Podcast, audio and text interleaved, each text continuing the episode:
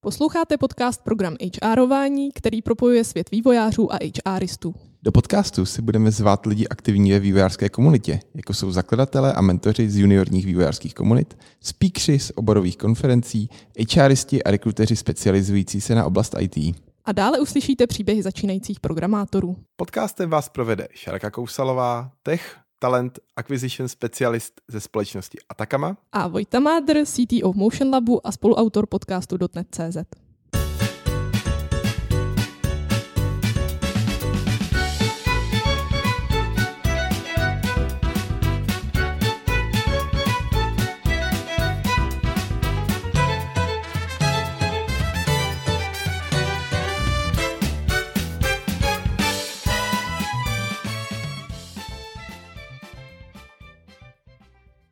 Tak dnešním hostem je David Kolínek z firmy Atakama. Davide, můžeš se nějak představit, co děláš v krátkosti? Jasně, čau Vojto. Já mám v Atakamě roli uh, VP of Product pro Data Governance a znamená to, že mám na starosti produktový modul Data Governance Suite, kterou potom prodáváme našim zákazníkům. Tak já rovnou navážu první otázkou. Můžeš nám prosím vysvětlit teda, co přesně dělá VP of Product, kam v rámci té firmy patří a tak dále? Já to popíšu z pohledu Atakami, protože samozřejmě každá firma vzhledem k tomu, jak je velká, tak VP lidi dělají něco trošku jiného. Co to znamená u nás? Pro tu danou část produktivního portfolia, kterou mám na starosti, tak řeším všechno od definice nějaký vize a dlouhodobého směřování, na co se budeme zaměřovat. Fakt ve stylu market positioningu, jaký zákaznický segmenty budeme oslovovat a podobně. A tak, taková to řekněme jako vizionářská rovina která potom samozřejmě přechází i v tu exekutivní, ať už to je nějaký jako taktický plánování, kvartální plány, práce s těma lidma, práce s techlídama a s produktákama a s designérama a vlastně se podílet i na té samotné exekuci. A jakmile ty věci třeba máme nějak vyvinutý, tak musíme řešit, jak to odkomunikovat trhu, ať už fakt jako našim prospektům, nebo třeba analytikům, Gartnerům, Forestrům, a musíme řešit, jak to odkomunikovat interně lidem v organizaci, aby třeba naši konzultanti tomu uměli používat a uměli to správně prezentovat zákazníkům. Takže vlastně ta moje role, když to zjednoduším, je zodpovědná za tohle všechno, což samozřejmě neznamená, že to všechno dělám sám, to by nešlo. Ale je to fakt o té zodpovědnosti a o tom se postarat o to, že všechno tohle se děje a že to funguje. Takže tohle je vlastně jakoby ta náplň práce pro VP Product of Data Governance, aby Data Governance Suite splňovala všechny tyhle ty části.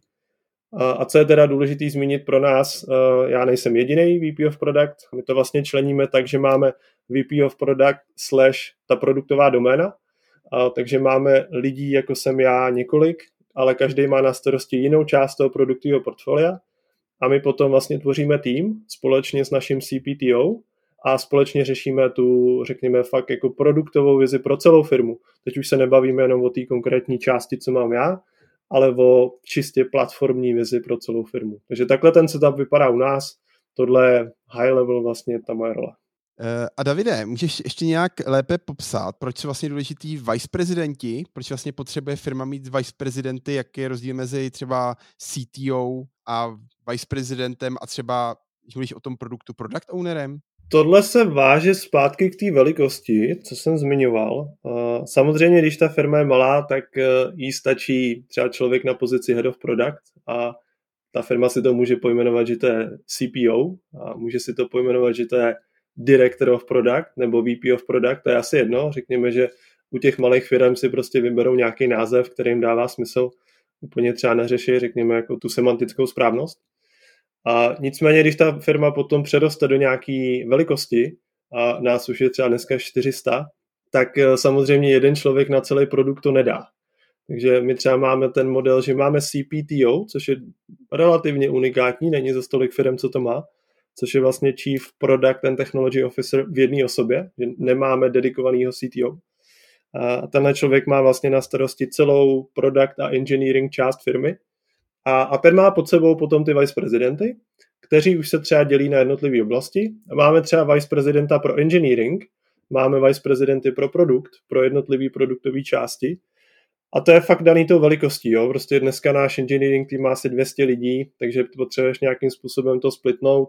My jako VPs máme na starosti nějakou část produktového portfolia, CPTO to má na starosti úplně celý a pod sebou vlastně, protože ty naše části jsou furt stejně dost velký, já vlastně v týmu mám dneska něco kolem 25 lidí, což není ideální, ten počet by měl být třeba 35.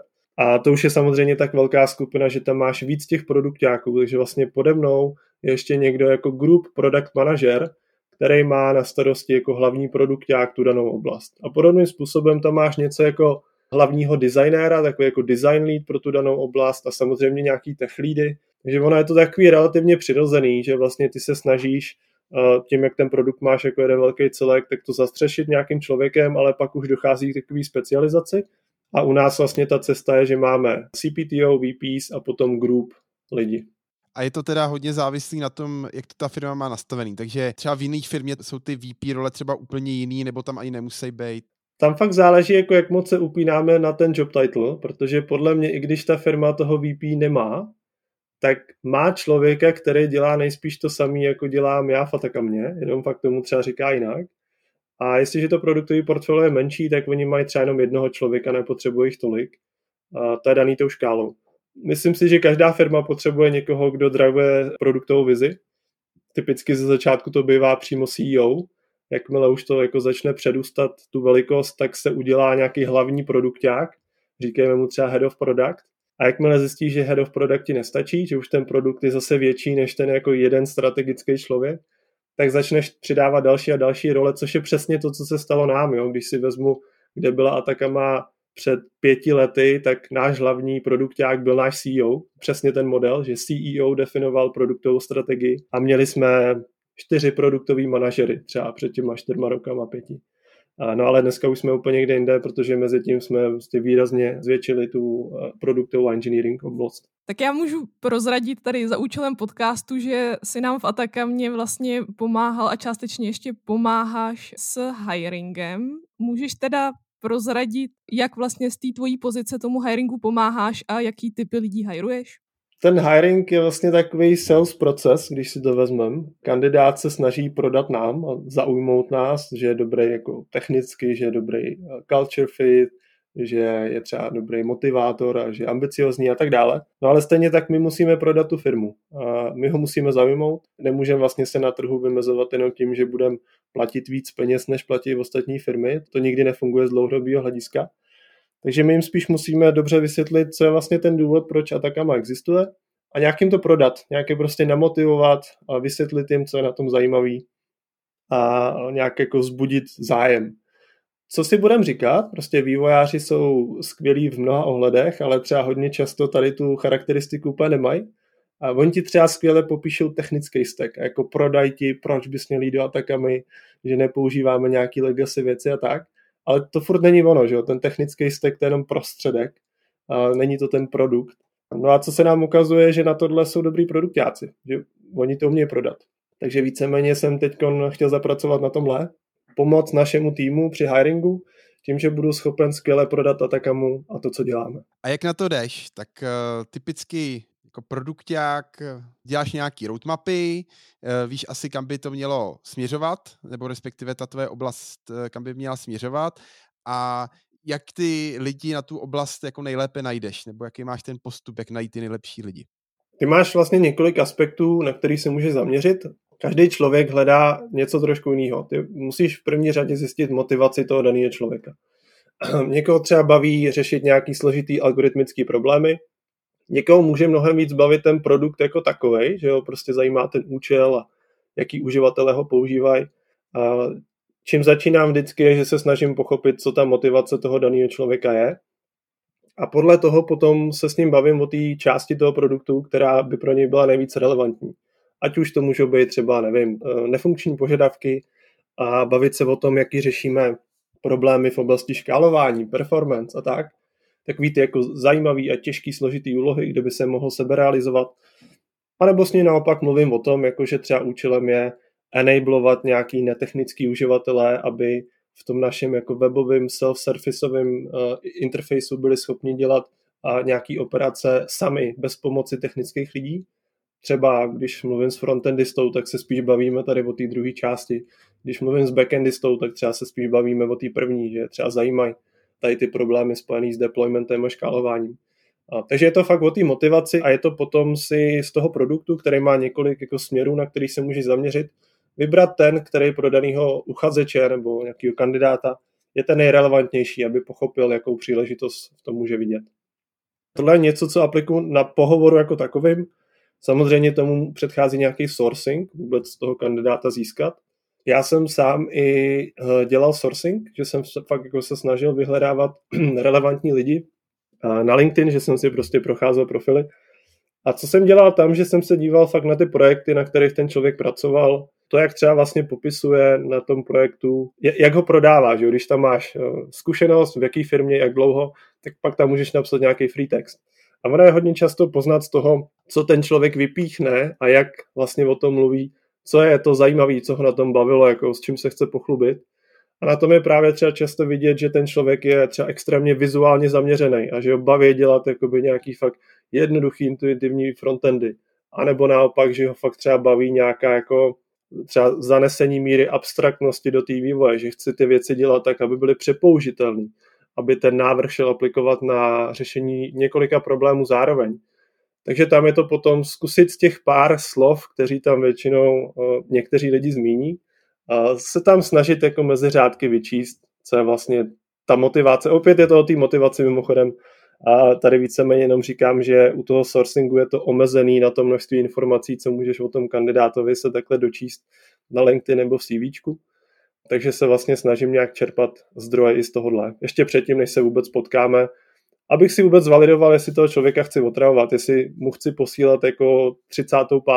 message eh, s nějakou nabídkou a možná třeba občas taky zjistím, že ten člověk by nejspíš u nás nebyl šťastný, že ty typy problémů, co řešíme, ho zajímat nebudou tak ho ani neoslovím, protože vím, že pro něj nejspíš nebudu mít relevantní nabídku.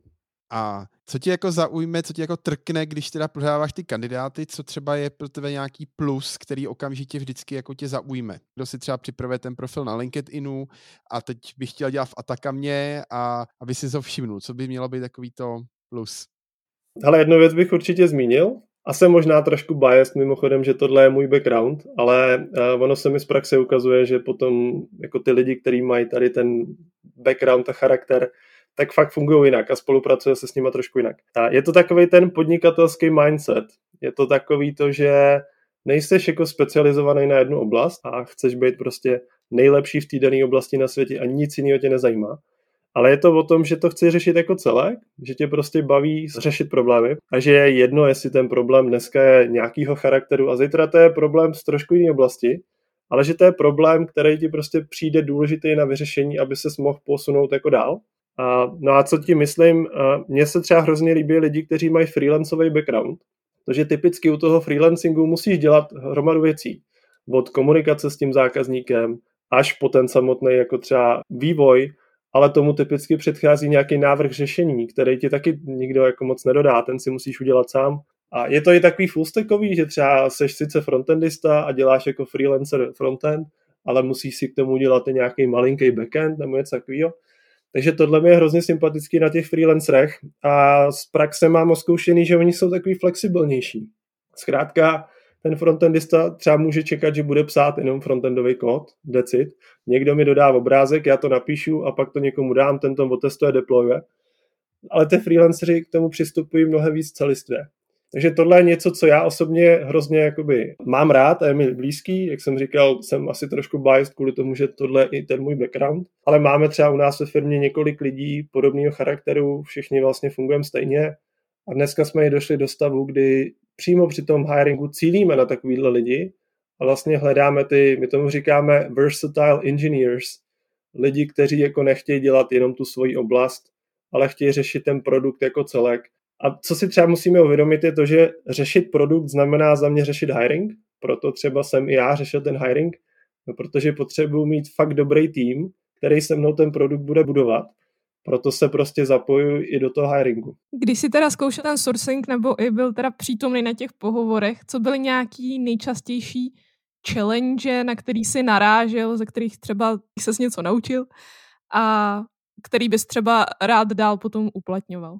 To je těžká otázka. No, sourcing, tam ta challenge je asi evidentní. Jak to děláš naslepo, oslovuješ lidi, který nevíš vůbec, jestli mají zájem teď měnit práci nebo ne tak jednak to ratio těch lidí, kteří ti kladně odpoví, je hrozně malý, což je psychicky náročný. Třeba když jsem do toho šel, tak jsem nepočítal s tím, že mi bude odpovídat 20% lidí. To ne, to jsem samozřejmě jaký představy neměl. Ale furt jsem si říkal, že to třeba bude jako, nevím, 5% lidí a že díky tomu, že jsem produkták, tak jim to nějak dobře prodám a bude mi odpovídat fakt hodně lidí, třeba mnohem víc než rekruterům. Realita taková nebyla a pak najednou člověk je takový jako deprimovaný z toho, že do toho jdeš s tím nadšením a myslíš si, že jak to půjde, jak to prostě zmíníš a bude to najednou skvělý. A asi bych doporučil těm lidem se trvat, že ono je to, ten prvotní šok byl takový jako velký, potom časem jsem trošku vystřízlivěl a pak najednou to začalo fungovat mnohem líp, protože jsem třeba zjistil, že někteří lidi mají fakt jako hrozně dlouhou response time, takže mi třeba odepsali po dvou měsících pozitivně, což je třeba to, co ty tam nevidíš. Ty to bereš tak, že dobře, tak tenhle týden oslovím 200 lidí a příští týden budu mít z toho třeba 10 pohovorů. No tak to úplně nefunguje, že jo? Ono to má jako fakt dlouhodobý, řekněme, náběh. Tohle mě třeba napadá k tomu sourcingu, že je asi důležitý si jakoby udržet ten spirit, že prostě ten člověk do toho půjde, když to jako nezačne generovat ovoce hned zítra. Přemýšlím ještě třeba během těch pohovorů, pohovorech, Napadá mě možná jedna věc, to, to je asi trošku jako menší důležitost, ale hodně často jsem narážel na to, že věci, které mě byly evidentní, těm kandidátům vůbec evidentní nebyly, protože pochází z jiného prostředí. Například člověk, který přijde z nějaký eh, větší korporace, banky nebo pojišťovny nebo z něčeho takového, tak se ptá na věci, na které by se mě v životě nenapadlo zeptat, třeba ohledně fungování té firmy, víš, a teď myslím takovýhle typ otázek, protože prostě žiju v té své bublině a třeba to ani nezmiňuji na tom pohovoru, že to jako nevypichu jako výhodu, protože si myslím, že takhle fungují všichni. A jo, takže když třeba někomu řeknu, že nemusí reportovat jako přesně každou hodinu na nějakého zákazníka, tak lidi z agentury na mě prostě koukají jak jo a říkají jako, jak je to možný, že si každou hodinu nemusím na někoho čaržovat, což by mě v životě nenapadlo jako zmínit, jakože hele, teď už se tady o to nebudete muset starat. Tak eh, tady bych možná mohl zkusit dát tak zase něco, co jsem se jako naučil, zkusit se vžít do kůže toho daného uchazeče před tím pohovorem, říct si, aha, tak tohle je člověk prostě z banky. Ten nejspíš dneska může fungovat v takovém a makovém prostředí a zkusit si fakt jako zamyslet nad tím, říct si sám sobě předem, co by byly ty důvody, proč já bych odcházel z banky Potom se samozřejmě na tom pohovoru zeptat toho uchazeče, jako co je ten důvod, proč hledáš novou práci, pochopit jeho motivaci a pak mu fakt třeba říkat ty takové věci, které mně přijdou evidentní, ale oni evidentní nejsou. Já mám třetí otázku. Jak by měla podle tebe vypadat ideální spolupráce mezi produktákem nebo s tvojí rolí, rekruterem a já ještě za sebe přidám developerem? protože všechny ty složky v tom nabírání jsou důležitý podle mě a jak si myslíš, že by to mělo ideálně fungovat? Ale já bych začal fakt třeba i při přípravě materiálu, tím myslím job descriptiony, články, které třeba publikujeme na blogu nebo něco takového, takový ty jako rádoby PR věci, nebo řekněme čistě promo té firmy, promo těch pozic, který máme. Už je tady si myslím, že ten produkt jak se toho má účastnit. Mají se s tím hiring manažerem a s nějakým jako tech leadem pobavit o tom, jak budeme promovat tuhle pozici. Jo, jak moc tady prostě chceme vypíchnout technologii, jak moc tady chceme vypíchnout třeba fakt účel toho produktu, já nevím, peníze a tak dále, aby to dělali dohromady. Jo? Rozhodně si nemyslím, že sepsat job description je práce hiring manažera. A to tak podle mě můžeš udělat, když máš jako fakt dobrýho hiring manažera, který má hodně velký přesah. Ale upřímně stejně bych to chtěl rád vidět, jakože až to se píše, tak třeba bych si to hodně nechal poslat a dal bych mu nějaký feedback, jak to může zkusit zlepšit, protože, jak jsem už říkal, je to fakt sales proces a hodně často jsem třeba viděl, že bylo vidět, že ten job description psal vývojář, tak tam prodával pouze ty technické věci a nic jiného. A že mu to jako netrklo, že celý, celý život se netočí jenom o technickém steku, že tam jsou jiné věci, o kterých je důležitý mluvit. A v podobném duchu bych třeba zvažoval fakt ty články, co, co někde publikujeme na sociálních sítích a tak, Pojďme psát o technických problémech, které jsme řešili, ale pojďme třeba psát i o tom, jak ty naši uživatelé z toho potom benefitují. Takže takhle taková třeba příprava předem, co řeším pořád, a to je daný tím, že moje role není čistě produktová, je to fakt, řekněme, taková ta i exekutivní, že řeším, jak ten tým funguje dobře a tak. Bavíme se o tom, jaký typ lidí hledáme. A teď nemyslím typ ve stylu jestli to má být React developer nebo Angular developer. To beru svým způsobem za jasný. Teď myslím lidi na úrovni třeba charakteru a seniority. To, že třeba hledáme lidi, kteří jsou mnohem víc fullstackoví, byť třeba nastoupí na pozici frontendisty, tak že mají právě takový ten jako fullstackový mindset a chtějí ten produkt řešit jako celek. A nebo třeba, že se pobavíme o tom, že hele, pro nás je hrozně důležitá kvalita frontendu a user experience, pojďme hledat lidi, kteří k tomu mají vztah. Prostě když mi tady dáš skvělýho frontendistu, který ho absolutně nebude zajímat user experience, tak já ho nechci. Protože naše důležitá priorita je eh, to, jak se ten produkt jednoduše používá. Takže narovnání si očekávání i tady na tý jako, na tomu nechci říkat soft skills, to asi úplně není soft skills, ale na takových těch jako částech, které nezahrnují psaní kódu, ale fungování v tom týmu a vlastně nějaký podporování těch hodnot, který ten produkt má reprezentovat. Takže tady je potřeba se sjednotit. A samozřejmě ten interview proces, to doufám, že je jasný, tam je potřeba taky, aspoň za mě, aby tam byl někdo, kdo reprezentuje zájmy toho produktu a je schopen ten produkt dobře odprezentovat. Samozřejmě to může být občas i ten vývojář. Jo? Já nechci jako říkat, že vývojář to není schopen, ale je potřeba ho to nějak naučit, je potřeba mu to nějak ukázat. Tak si třeba pojďme říct, že ze začátku tam bude chodit ten produkták a on vlastně třeba bude jako ukazovat těm ostatním lidem, kteří jsou součástí toho procesu, jak to můžou dělat. A co jsou ty věci, které o té naší firmě můžeme vypíchnout. Takže nějaký všeobecně jako zapojení do toho procesu jako takového. To by za mě byly takové ty tři nejdůležitější části. Příprava, která nám vlastně nějak usnadňuje sourcing, potom sladění očekávání, koho přesně hledáme, a tím nemyslím jenom, jak moc dobře ten člověk umí psát kód, a potom ten samotný proces fakt od A až do Z, až po nějaké jako poslání nabídky. Tak když to za sebe zhrnu, tak si myslíš, že na tom pohovoru ideálně by měl teda byl někdo, kdo nastupuje hiring, takže jako základ, pak produkt a i teda ten dev. A to je takový ideální setup. Myslím si, že jo. Myslím si, že když tam dáš tyhle ty tři jako role, tak jsi schopen pokrýt to nejdůležitější, co vlastně potřebuješ udělat. Prodat firmu, vysvětlit, proč tady jsme, čemu vůbec fungujeme a samozřejmě já doufám, že naši vývojáři jsou tohle schopni taky popsat, ale furt to budou popisovat trošku jinak, že, než ty produktáci. A takže mi přijde naprosto zdravý, aby se toho účastnili ty produktáci už jenom kvůli tomu, že se poznají s tím kandidátem a můžou si prostě zvalidovat, že ano, tohle je člověk, se kterým chci pracovat. A myslím si, že to je dobrý pro toho kandidáta. A jako, když uvidím třeba někoho za recruiting a potom výváře, fajn, ale tak já budu pracovat s mnoha dalšíma lidma, takže ono to jde podle mě jako na druhou stranu vůči těm kandidátům, že je to fér jim ukázat i někoho jiného než člověka, který vyzkouší z frontendu. A myslím si, že ti to pak může pomoct třeba jakoby toho kandidáta přesvědčit, aby k tobě přišel. Má to benefity na obě dvě eh, strany za mě. Tak jo, Davide, děkujeme za rozhovor, bylo to moc příjemný. Myslím, že jsme se dozvěděli plno nových zajímavých věcí a uslyšíme se třeba u nějaký další epizody. Díky za pozvání. Tak jsme se dostali na konec našeho povídání. Sledujte nás na LinkedInu, Instagramu nebo vám napište váš feedback na infozavináč programhrvine.cz po případě nám napište do podcastových aplikací. Naslyšenou zase za 14 dní.